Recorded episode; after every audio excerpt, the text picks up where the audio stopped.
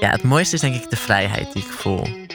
De vrijheid die ik heb opgeëist als het gaat om gender. Dat ik eigenlijk voel in mijn hele manier van zijn. Je luistert naar een nieuwe aflevering van Sense Talk. De podcast over seksualiteit.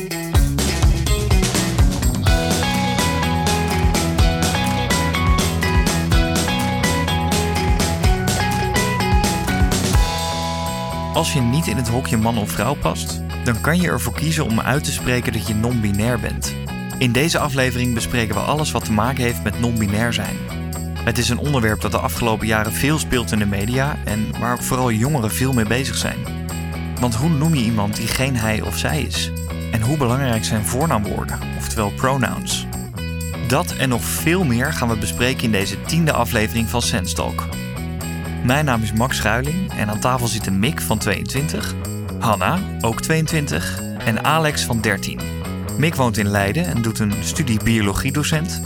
Hanna woont in Rotterdam en studeert filosofie. Alex woont nog thuis en gaat naar de middelbare school.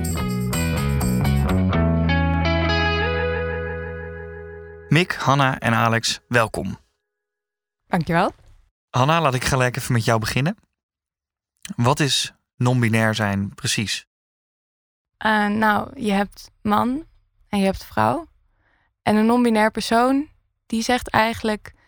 ik voel me niet goed bij een van die twee dingen. Um, dus ik ga eigenlijk voor iets wat geen van beide inhoudt. Um, en dat, dat mag er ook tussen zitten. Dat je zegt, nou, ik heb, ik heb een beetje man, een beetje vrouw. Um, maar het kan er ook helemaal buiten vallen. Dat je gewoon zegt, nee, dat, dat is... Uh, dat is niet waar ik me prettig bij voel. Mm. Ja, ja, ik denk dat het, dat voor iedereen echt heel erg verschilt. Wat voor ja, definities aan het woord nominair geven. Zelf zie ik dat ook zo, maar er zijn vast ook mensen die nominair ja, definiëren als een beetje man en een beetje vrouw. Maar zelf voel ik me heel erg alsof ik daar helemaal buiten sta. Buiten het feit dat, dat er mannen en vrouwen zijn. -hmm. En wanneer kwam jij er voor het eerst achter dat je wel eens non-binair zou kunnen zijn? Ja, eigenlijk rond een jaar of dat, ja, dat ik 17 was, denk ik. Toen was ik al een beetje aan het. Ja, ik was vrij zeker over mijn seksualiteit. En daar zocht ik ook veel over op, op YouTube bijvoorbeeld. En toen kwam ik op YouTube ook de term non-binair tegen. En toen pas ja, begon eigenlijk bij mij een beetje het kwartje te vallen dat wat ik altijd al een beetje voelde uh, over mijn gender, mijn genderexpressie, dat dat ook een woord kon hebben. En dat was dan non-binair voor mij. -hmm. En wat, wat kwam je dan tegen op internet? Ja, vooral mensen die zelf non-binair waren. Of die, uh, ja, vooral eigenlijk mensen die zelf nog in het proces zaten van hun gender ontdekken. Die ook dan informatieve video's maakten.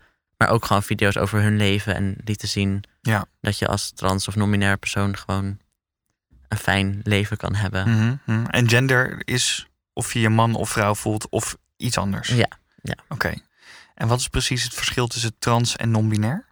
Ja, voor mij is dat iets wat samen kan gaan, maar niet per se hoeft. Voor mij is de definitie van transgender zijn dat je je identificeert met een gender wat anders is dan wat je bij de geboorte hebt gekregen. Dus in mijn geval is er bij mijn geboorte gezegd: jij bent een meisje, maar ik identificeer me niet zo. En in dat opzicht denk ik dus dat ieder non-binair persoon ook transgender zou kunnen zijn. Maar dat ligt er echt aan of iemand dat woord fijn vindt om te gebruiken. Je zat eigenlijk filmpjes op te zoeken over je seksualiteit. Wat is je seksualiteit? Ja, toen uh, identificeerde ik me als lesbisch. Ja. Ik gebruikte dat woord niet echt omdat ik het niet zo'n fijn woord vond. Um, maar dat is misschien weer een heel ander verhaal over hoe ja, dat woord gezien wordt in de maatschappij. Maar ja, toen dacht ik dat ik alleen op vrouwen viel. Mm -hmm. um, en later is dat wel veranderd en nu ben ik queer en val ik eigenlijk op iedereen en van alles. Oké, okay, oké. Okay. Um, kwam jij er dan op hetzelfde moment achter dat je dus queer bent, maar dus ook non-binair? Ja, het begon wel bij mijn seksualiteit. Oké. Okay. Um, en ik denk dat ik ook een tijdje mijn genderexpressie een beetje daaraan heb gekoppeld. Dat ik dacht, ik val op meisjes. Misschien is dat het waarom ik me ook graag mannelijker uit, bijvoorbeeld. Ja. Maar later pas kwam ik erachter dat genderexpressie en genderidentiteit en seksualiteit allemaal losstaande dingen zijn. Die ja. Wel met elkaar te maken kunnen hebben, maar dat het andere verschillende dingen zijn. En hoe zit dat met jouw coming out? Want je bent dus eigenlijk van lesbisch naar queer En dan ook nog nominair erbij. Dat moet een aaneenschakeling van coming out zijn geweest. eh. Ja, ik, ik ben vrij vroeg toen ik 14 was. ehm, dat vond ik zelf vrij vroeg. Toen ben ik uit de kast gekomen als lesbisch. Ehm, en dat ging eigenlijk gelukkig heel makkelijk. Ehm, en later ging mijn coming out als nominair eigenlijk vrij geleidelijk. Oké. Dus op mijn zeventiende, op mijn achttiende, toen vertelde ik het al wel aan mijn moeder bijvoorbeeld. En Mhm. aan een paar mensen om me heen. Maar toen ik ook echt eh, mijn naam wilde veranderen en mijn voornaam worden, dat was wel één groot moment. eh, waarop ik echt op mijn social media aan iedereen liet weten. Ja. Ik ben nominair en dit is mijn naam en mijn voornaam worden. Ja, ja, ja. Kan je iets vertellen over de reacties die je hebt gekregen? Ja, eigenlijk alleen maar positief. Ehm, ja, met, me, met mijn ouders en met de mensen die echt dicht bij me stonden, waarvan ik echt wilde dat ze het heel goed zouden begrijpen. Mhm. Ehm, was het wel iets lastiger. Dat heeft ook wel veel, ja, wel veel gesprekken gekost om dat echt goed te kunnen bespreken. En dat die mensen ook echt snapten wat ik voelde. Ehm, maar online kreeg ik eigenlijk vooral heel veel positieve reacties. Mhm. Ja, soms misschien een beetje te positief. Dat het bijna soort ja, overdreven voelde. Dat ik me een beetje schaamde ervoor. ja, dat ik ja, zoveel positieve reacties kreeg van oh wat ben je zo je bent zo stoer en je bent zo cool en ik dacht nou ik ben gewoon non-binair maar en dat Mhm. wil ik gewoon vertellen maar maak me niet stoer of Nee, nee, nee. nee. ja Oké.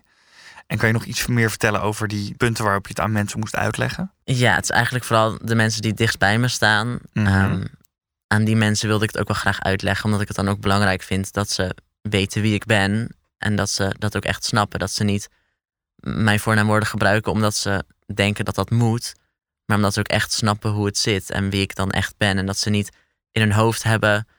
Oh, maar eigenlijk is het nog wel een beetje een meisje. Of eigenlijk is het een beetje een jongen. Maar Mhm. ik, Mhm. ik zeg maar gewoon hen, hun. Want zo moet het. Ja, Dus ik wilde wel echt dat ze het goed zouden begrijpen. En dat is wel heel lastig, maar ja, ze stonden er gelukkig wel voor open om hoe ook heb je te dat leren. aangepakt?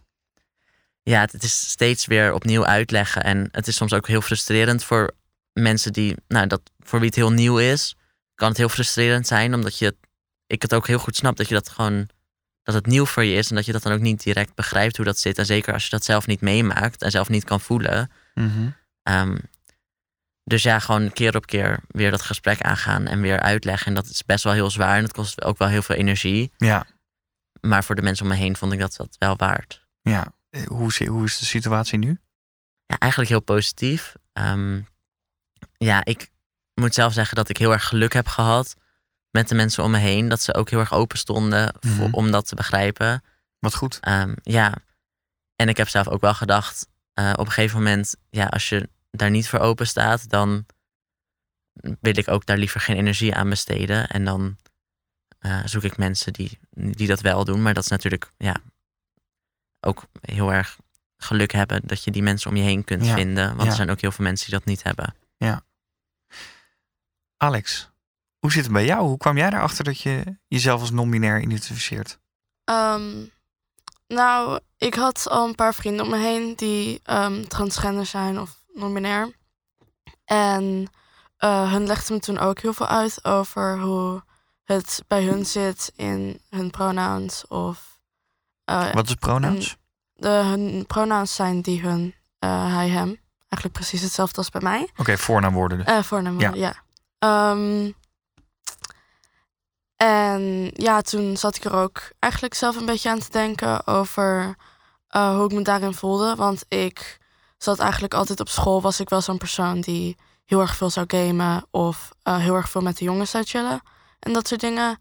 Ehm, omdat de meiden van mijn school mij niet echt een goed gevoel gaven Mhm. bij ook zelf wie ik was. Omdat eigenlijk iedereen daar op mijn school wel hetzelfde was. En het gaf mij gewoon geen goed gevoel.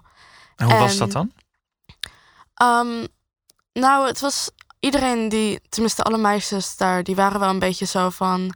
Oh ja, gli- glitters, unicorns, regenbogen. Eh, we gaan leuk kletsen tijdens de pauzes en zo. Terwijl ik ook gewoon eh, spelletjes wou spelen tijdens de pauze. Of gewoon ehm wou voetballen of zo en dat soort dingen. En ehm, het was heel lastig om dat eh, daadwerkelijk te doen. Omdat de jongens altijd zaten zo van... Ja, maar je bent slecht in voetbal. Meisjes horen in voetbal te doen. Ehm, en mijn zeg maar, liefde voor voetbal ben ik daarin ook wel redelijk verloren. Ehm, en uiteindelijk zat ik zelf ook rond toen ik naar de middelbare school ging. Zat ik daar zelf ook een, een beetje aan te denken. Zo van, ja, maar ben ik wel meisje? Ben ik wel vol meisje?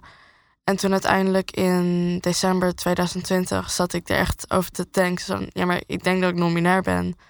Ehm, en toen had ik mijn vrienden om hulp gevraagd. En hun supporten mij heel erg en hebben mij geholpen met nieuwe namen te zoeken. En hebben mij Mhm. geholpen met het uitproberen van namen.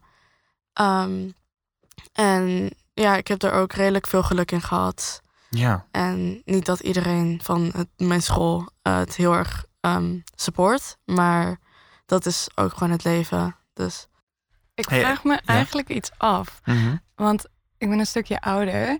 Ehm, kennen mensen, eh, de gemiddelde persoon van jouw leeftijd op school, kennen zij het al? Ehm, nou, de meeste mensen die weten wel dat het bestaat en dat het een ding is. Ehm, maar ze supporten het gewoon niet. Ze geloven er niet in. Ja. Ze zeggen gewoon, je bent als meisje geboren, dus je bent meisje. Mhm.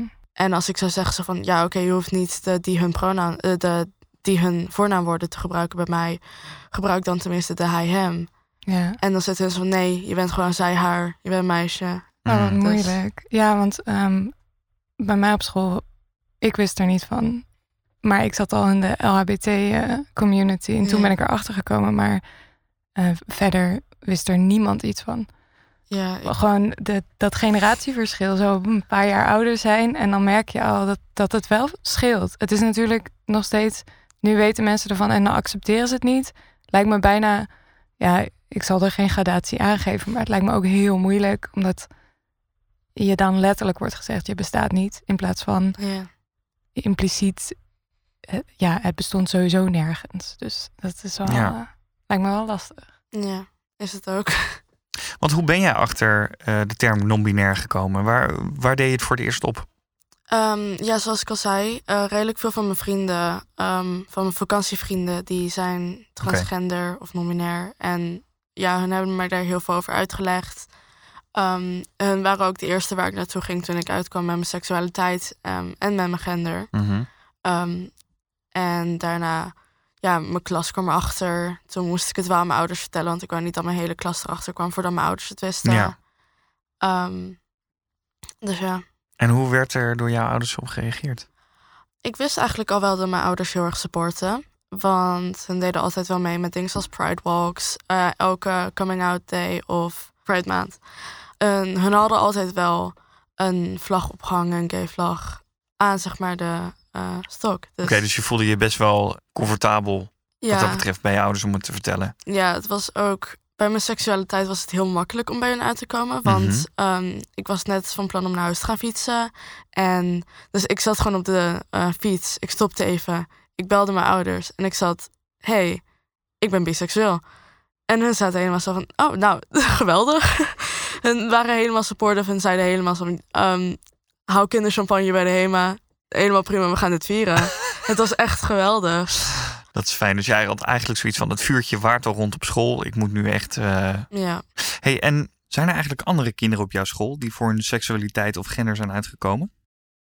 Ehm, ik heb wel een klein groepje bij mij op school. Een paar kinderen uit de eerste en een paar kinderen uit de tweede. Die, de meeste zijn pan of biseksueel. Mhm. En een van hen heeft ook hun naam veranderd. Mhm. En als er iets is met dat mijn oude naam wordt gebruikt op school, dan kan ik ook gewoon altijd naar haar toe gaan of naar dat clubje toe gaan. Mhm. Wordt er ook vanuit de school iets over gezegd? Is het een onderwerp waar leraren ook mee bezig zijn? Een van mijn docenten, die is zelf lesbisch. En eh, we zijn ook bezig met de GSA op te starten. Mhm. Maar als er iets wordt gezegd over mijn oude naam of dat ik meisje ben of wat, dat soort dingen, ehm, dan weet ik dat ik naar haar toe kan gaan. Ja. Want zij helpt er ook heel erg in. Mhm. Er werd ook een paar keer worden de dingen geschreeuwd naar mij van hey transgender, dit en dit. Het wordt gewoon letterlijk geschreeuwd naar Ja. mij. En ik weet dat ik dan naar haar toe kan gaan. En ik ga dan ook naar haar toe. En ze heeft meteen, ook tijdens de les, ze heeft gewoon de jongens uit de les gehaald. Ehm, en ik moest meteen een gesprek met hen eh, doen. En begrijpen ze dat dan ook? Dat dat niet oké is? Ehm, nou, ik denk best wel dat ze begrijpen dat het niet oké is. Ze blijft, eh, ze blijft alleen doorgaan. Of ze blijven alsnog praten over mij achter hun rug om. Hmm. Ja, lijkt me toch echt naar. Ja. Voel je je dan wel genoeg gesteund op school? Ehm, ja, al, alle docenten die noemen me bij mijn nieuwe naam. Hun begrepen het helemaal. Ehm, mijn nieuwe klas die noemen uh, alleen maar bij mijn nieuwe naam. Bij mijn nieuwe Hmm. voornaamwoorden. Er is natuurlijk wel like, twee personen die zeggen ze van... ja, maar je bent gewoon zij, haar. Alsnog Hmm. gebruiken hun gewoon mijn nieuwe naam. Maar Hmm. ze geloven alsnog dat ik nog steeds meisje ben. Hmm. Dus ja. Ga ik even naar jou, Hanna. Mhm. Toch ook eigenlijk een beetje dezelfde vraag. Hoe ben jij erachter gekomen dat je non-binair bent? Ja, ehm, het begon bij mij ook bij mijn seksualiteit. Mhm. Eh, sowieso een makkelijkere invalshoek eh, om maar mee te beginnen, zeg maar. Het is toch al wat bekender. Mhm.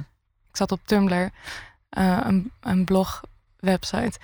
En ehm, toen zag ik gewoon posts over wat voor seksualiteiten er allemaal bestaan. Maar ook over wat voor genders er zijn. Eh, ik had eigenlijk nog nooit in mijn leven kende ik mensen die transgender waren überhaupt. Toen, maar toen zag ik dat non-binair ook een ding was. Eh, en eigenlijk voelde ik al vanaf mijn veertiende van... Ik ben daar wel tot aangetrokken. Ik vind dat een interessant idee. Maar eigenlijk pas vanaf mijn zeventiende durfde ik erover na te denken. Mhm. En eigenlijk pas, eh, ik ben nu 22, sinds twee jaar geleden durf ik mezelf ook eh, echt zo te noemen. En ik ben nog steeds een soort van in proces met coming out. Mhm. Dus eh, mijn vrienden, mijn studiegenoten weten het allemaal. Eigenlijk mijn hele cirkel in Rotterdam. En als ik me voorstel, dan zeg ik dat ook echt. Maar eigenlijk familie, vrienden, opa en oma en mijn ouders, die weten eigenlijk niet van mijn voornaamwoorden. En dat ik, dat ik me echt wel identificeer als non-binair, zeg maar. Ja. Ze weten wel wat, maar ik hou dat zelf ook een beetje op een laag pitje. Ja. Eh, vooral omdat ik, ik had niet zo zin in het gedoe. Mhm. Dus als ik aangeef, mijn voornemen zijn, een voornaamwoorden zijn eh, hen, hun of die dienst. En mensen zeggen dan alsnog zij, haar. Dan is het pijnlijker voor mij dan wanneer ze zij, haar gebruiken zonder te weten dat dat mijn voornaamwoorden niet ja, zijn. dus je beschermt eigenlijk jezelf ja, voor dat ongemakkelijke gevoel. ja, vooral om eh, op andere punten meer mezelf te kunnen Mhm. zijn eigenlijk. Maar je familie weet dus eigenlijk niet dat je je identificeert als non-binair. Wat als zij deze podcast horen? Ga je het aan ze laten horen? Is dit een soort coming-out naar hun toe?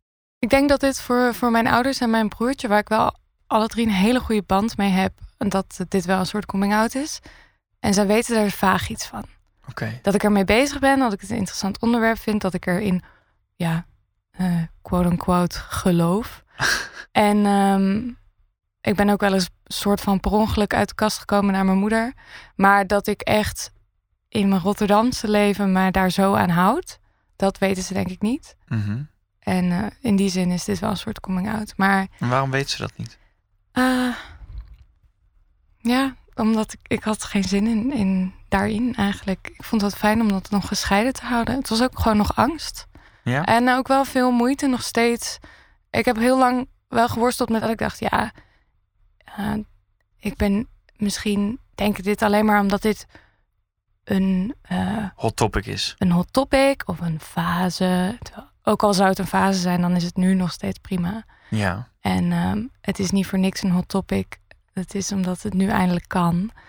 Bij mij verschillen theorie en praktijk soms nog heel erg. Dus voor andere mensen en in theoretische zin eh, ben ik heel open.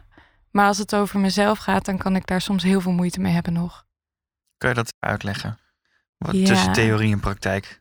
Stel dat eh, vrienden naar mij toe zouden komen en die zouden vertellen over hun struggles met non-binariteit of met seksualiteit of Mhm. Ehm, met andere dingen die moeilijk zijn in deze samenleving, dan kan ik het perfecte advies geven. Dan sta ik helemaal achter Ja, ze. Dan ja. help ik ze in alles. Maar naar mezelf kan ik soms echt nog een soort van geïnternaliseerde, ja, bijna eh, eh, transfobie nog een beetje hebben. Zo van ja, maar je hebt wel echt een vrouwenlichaam en je hebt echt wel een hoge stem. En veel mensen zien je toch echt als vrouwelijk. Niemand zou er van jou van uitgaan dat je non-binair bent. Dus waarom zou je er dan voor uitkomen?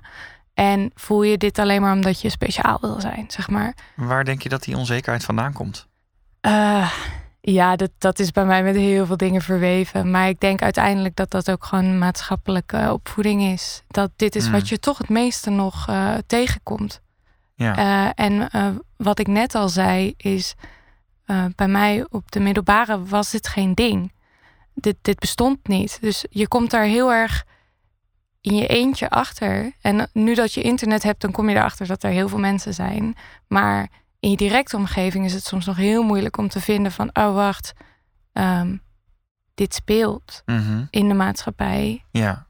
En de afgelopen paar jaar is dat echt wel aan het veranderen. Zie je het op tv en in kranten en eh, op grotere nieuwsites. Mhm. Maar eigenlijk tot twee jaar geleden was dit. Ja, dus, maar je kwam er dus eigenlijk acht jaar geleden al mee in aanraking. Ja, Pas twee jaar geleden werd het, zoals eh, we het dan zeggen, hot topic. ja, En alsnog heb je het idee dat je geleid wordt door misschien de hype. En dat je misschien toch gewoon een meisje bent. En misschien toch niet non-binair. ja, maar dat is ook wel gewoon onzekerheid die in mij zit. Mhm. En het heeft ook wel te maken met, met mijn lichaam. Dus eh, ik, ik word gewoon snel nog gezien als vrouw. Mhm. En eigenlijk altijd aangesproken op straat. En mensen die wel van mijn voornaamwoorden weten, die misgenderen me nog echt wel heel vaak. Ja, Dus mensen hebben echt moeite ermee om het te zien. En dat vind ik wel- echt lastig. ja, En ehm, als ik me dan sowieso al slechter voel, dan kan ik dat soms wel een beetje. Ja, dat, dat werkt dan toch op me in. Het lukt wel steeds beter hoor, om daar echt voor te staan. En dat komt vooral door mensen om me heen die het wel goed doen. Bij Ja. mij was dat als eerste mijn partner. En die maakte eigenlijk nooit fouten. Die maakte er grapjes over. Die vertelde het met toestemming graag aan iedereen. ja. En ehm, toen merkte ik, oh, als er, als er iemand extern van mij in gelooft, dan mag ik er zelf ook in geloven. Dus dat heeft je wel geholpen. Dat heeft mij enorm geholpen. Ja. Ja. Mick en Alex, herkennen jullie de onzekerheid van Hanna over de term non-binair? Ja, ja, heel erg. Ehm, ik had wel eerder dat ik dacht, ja, misschien ben ik inderdaad wel non-binair. Dat vond ik vrij makkelijk om ook te accepteren. Maar ik had het vooral met het woord trans. Omdat ik toen eh, ja, niet per se in transitie wilde. Ehm, en op dat moment was ik nog redelijk oké met eh, ja, mijn lichaam. Ehm, en dat ik toen wel dacht van nee, ik mag alleen het woord trans gebruiken. Als ik nu het woord trans zou gebruiken, dan zou ik eigenlijk een beetje afdoen aan de ervaring van mensen die ook in transitie gaan. Ja. Ehm, Oké. en ja. nu sta ik daar wel heel anders in. Hoe sta je daar nu in dan? Nou, ik heb nu het gevoel dat eh, het idee dat, dat trans zijn helemaal niet samen hoeft te gaan met bepaalde veranderingen aan je uiterlijk of aan je gedrag. Eh, Mhm. Als je je trans voelt, dan ben je trans. En Mm. dat heb ik een beetje hetzelfde als met gender. Als je je nominair voelt, dan ben je dat. En daar hoef je niks voor te doen. Of- Nee. Nee. Ja. Hoe zit dat voor jou, Alex? Ehm, toen ik erachter kwam dat ehm non-binair bestaat, was ik er eigenlijk al meteen redelijk comfortabel mee. En ik vind het ook redelijk prima als mensen me of non-binair of transgender noemen of dat soort dingen. Het enige onzekerheid wat er bij mij altijd wel was, ehm, was als ik gemisgenderd werd, expres. Ehm, en heel erg met mijn lichaam. Want inderdaad, als ik bijvoorbeeld iets van een, eh, gewoon een shirtje draag omdat het warm is. Ja. En ik draag een keer mijn binder niet. Dan is het meteen, als iemand me aanspreekt op straat, dan is het meteen, hé hey, mevrouw, kunt u me helpen? Of Ja. dat soort dingen. Nou, daar was ik ook echt heel benieuwd naar, want dat zal meer dan eens voorkomen, inderdaad. Ja. Hoe gaan jullie daarmee om? Hoe ga je ermee om als iemand je een man of een vrouw noemt terwijl jullie non-binair zijn? Ehm, als het iemand op straat is ehm, die ik helemaal niet ken, die ik waarschijnlijk ook niet vaker ga zien, ehm, dan vind ik het gewoon prima. Dan laat ik het, dan laat ik het gewoon liggen. Maar als het echt familie is, of vrienden of schoolgenoten, klasgenoten, dat soort mensen, meestal zeg ik dan wel, of geef ik tenminste wel aan, zo van ja, je, je weet dat ik non-binair ben. Noem me alsjeblieft bij deze voornaamwoorden. Ja, Ehm, noem me geen meisje. Dat soort dingen. nee. Hoe doe jij dat, Mick? Ehm, ja, ik denk een beetje hetzelfde. Als iemand me echt overtuigend eh, meneer of mevrouw noemt, dan laat ik het vaak, vaak een beetje zitten. als iemand ernaar vraagt, dan zeg ik het wel. Ehm, ik, het is bij mij ook wel een beetje veranderd dat toen ik eh, bijvoorbeeld nog niet hormonen gebruikte of operatie had gehad, toen was ik gewoon nog zo on- oncomfortabel ook in mijn lichaam en hoe ik me naar de buitenwereld uitte.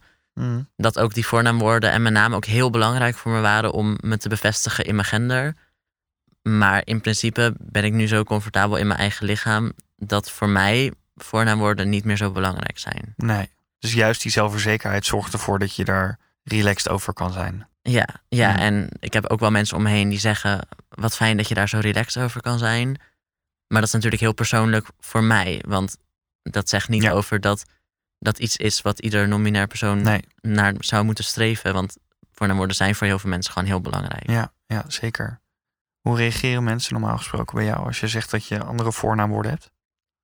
Ja, ik, ik moet zeggen dat ik zelf toch vaak in sociale situaties het een beetje ongemakkelijk vind om dat te zeggen. Ehm, dus ik hoop dan altijd dat andere mensen het verbeteren die erbij zijn. Dat vind ik ook eigenlijk de taak van andere mensen om dat te doen.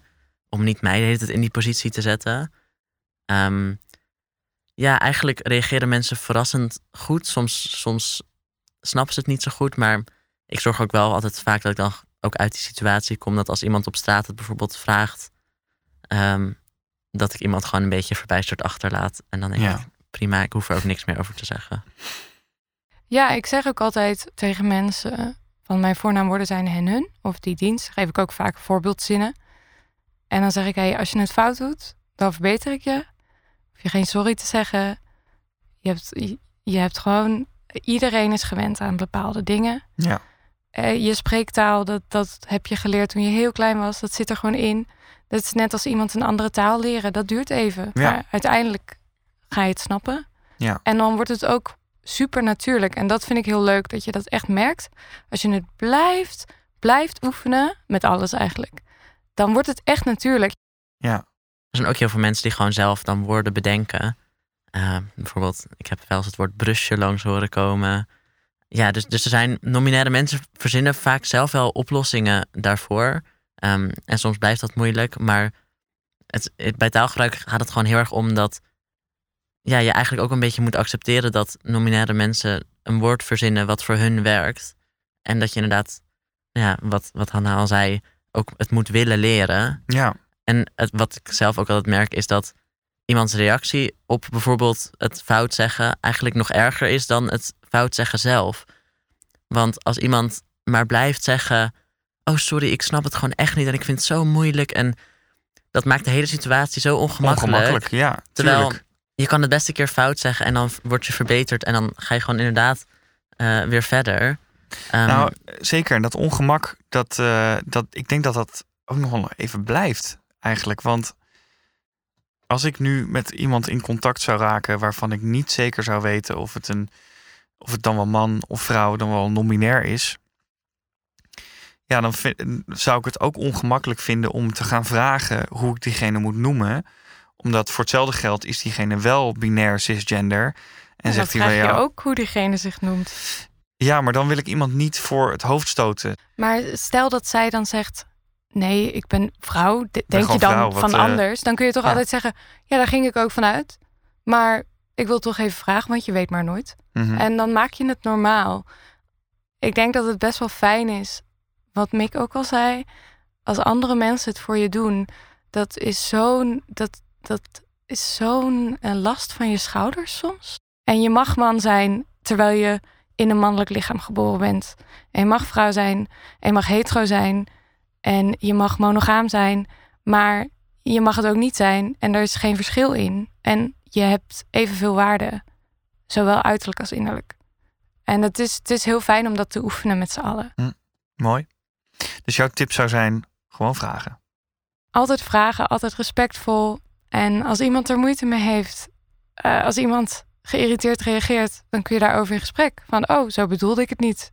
De, de reden waarom ik het vraag is omdat er mensen zijn die ik in een hokje plaats waar dat niet bij klopt. En ik wil graag niemand pijn doen. je moet gewoon het leren te accepteren. Je hoeft het niet te supporten van mij. En dat, ik vind het ook prima als je niet support, maar accepteer het tenminste. Zeg tenminste niet dat het onzin is. Hebben jullie nog tips voor mensen die nu aan het luisteren zijn en hun eigen genderidentiteit aan het ontdekken zijn? Zoek vooral mensen waar je er echt mee kan praten erover. En um, desnoods zoek um, op het internet voor informatie als je niet van dat soort mensen hebt waar je tegen kan praten. Want anders weet je nooit wat je bent en voel je de hele tijd oncomfortabel met dat soort dingen. En ik ben ook wel blij dat ik vrienden had die me daarmee konden helpen. En ja, het, het is gewoon zoek iemand waarmee je erover kan praten. Of um, kijk op het internet voor de goede informatie. Wat zijn plekken waar je naartoe kan? Um, nou, zoals jullie al zeiden, Tumblr. um, ik zou gewoon uh, YouTube ook zou heel erg goed kunnen helpen. Of gewoon naar op het internet of Instagram of dat soort dingen. Gewoon ergens op het internet zoeken naar ook nominaire mensen. Um, waar je desnoods gewoon een beetje naar kan opkijken, om zo te zeggen. Um, als een soort voorbeeld over hoe je je zou kunnen voelen. En kijken of je je echt zo voelt. Mm -hmm. En desnoods kijken of je hun ook vragen kan stellen. Hebben jullie daar nog iets aan toe te voegen? Uh, ja, dat er um, in Nederland ook genderpraatgroepen zijn. Genderpolies en genderklinieken. Dat klinkt meteen heel eng. Want dan denk je, oh, dan moet ik echt iets met uh, mijn presentatie gaan doen. En met operaties of hormonen. Dat is niet zo. Je kunt daar ook gewoon hebben over hoe je je voelt. Als je even googelt op trans praatgroep, non-binair praatgroep, uh, genderpraatgroep, dan zijn er best wel veel plekken. Hm. Um, en er zijn ook wel steeds meer in de media, in de populaire media, personen, uh, non-binaire personen, uh, zoals Thorn Vineyard en um, Raven van Dorst. Ja. En dat is heel leuk om programma's met hun te kijken, om dan te merken hoe iemand die daar uh, voor uitkomt en trots op is, hoe die daarmee omgaat, dat heeft mij ook heel veel geholpen. Ja. Dan als allerlaatste vraag. Wat is nou het mooie aan non-binair zijn?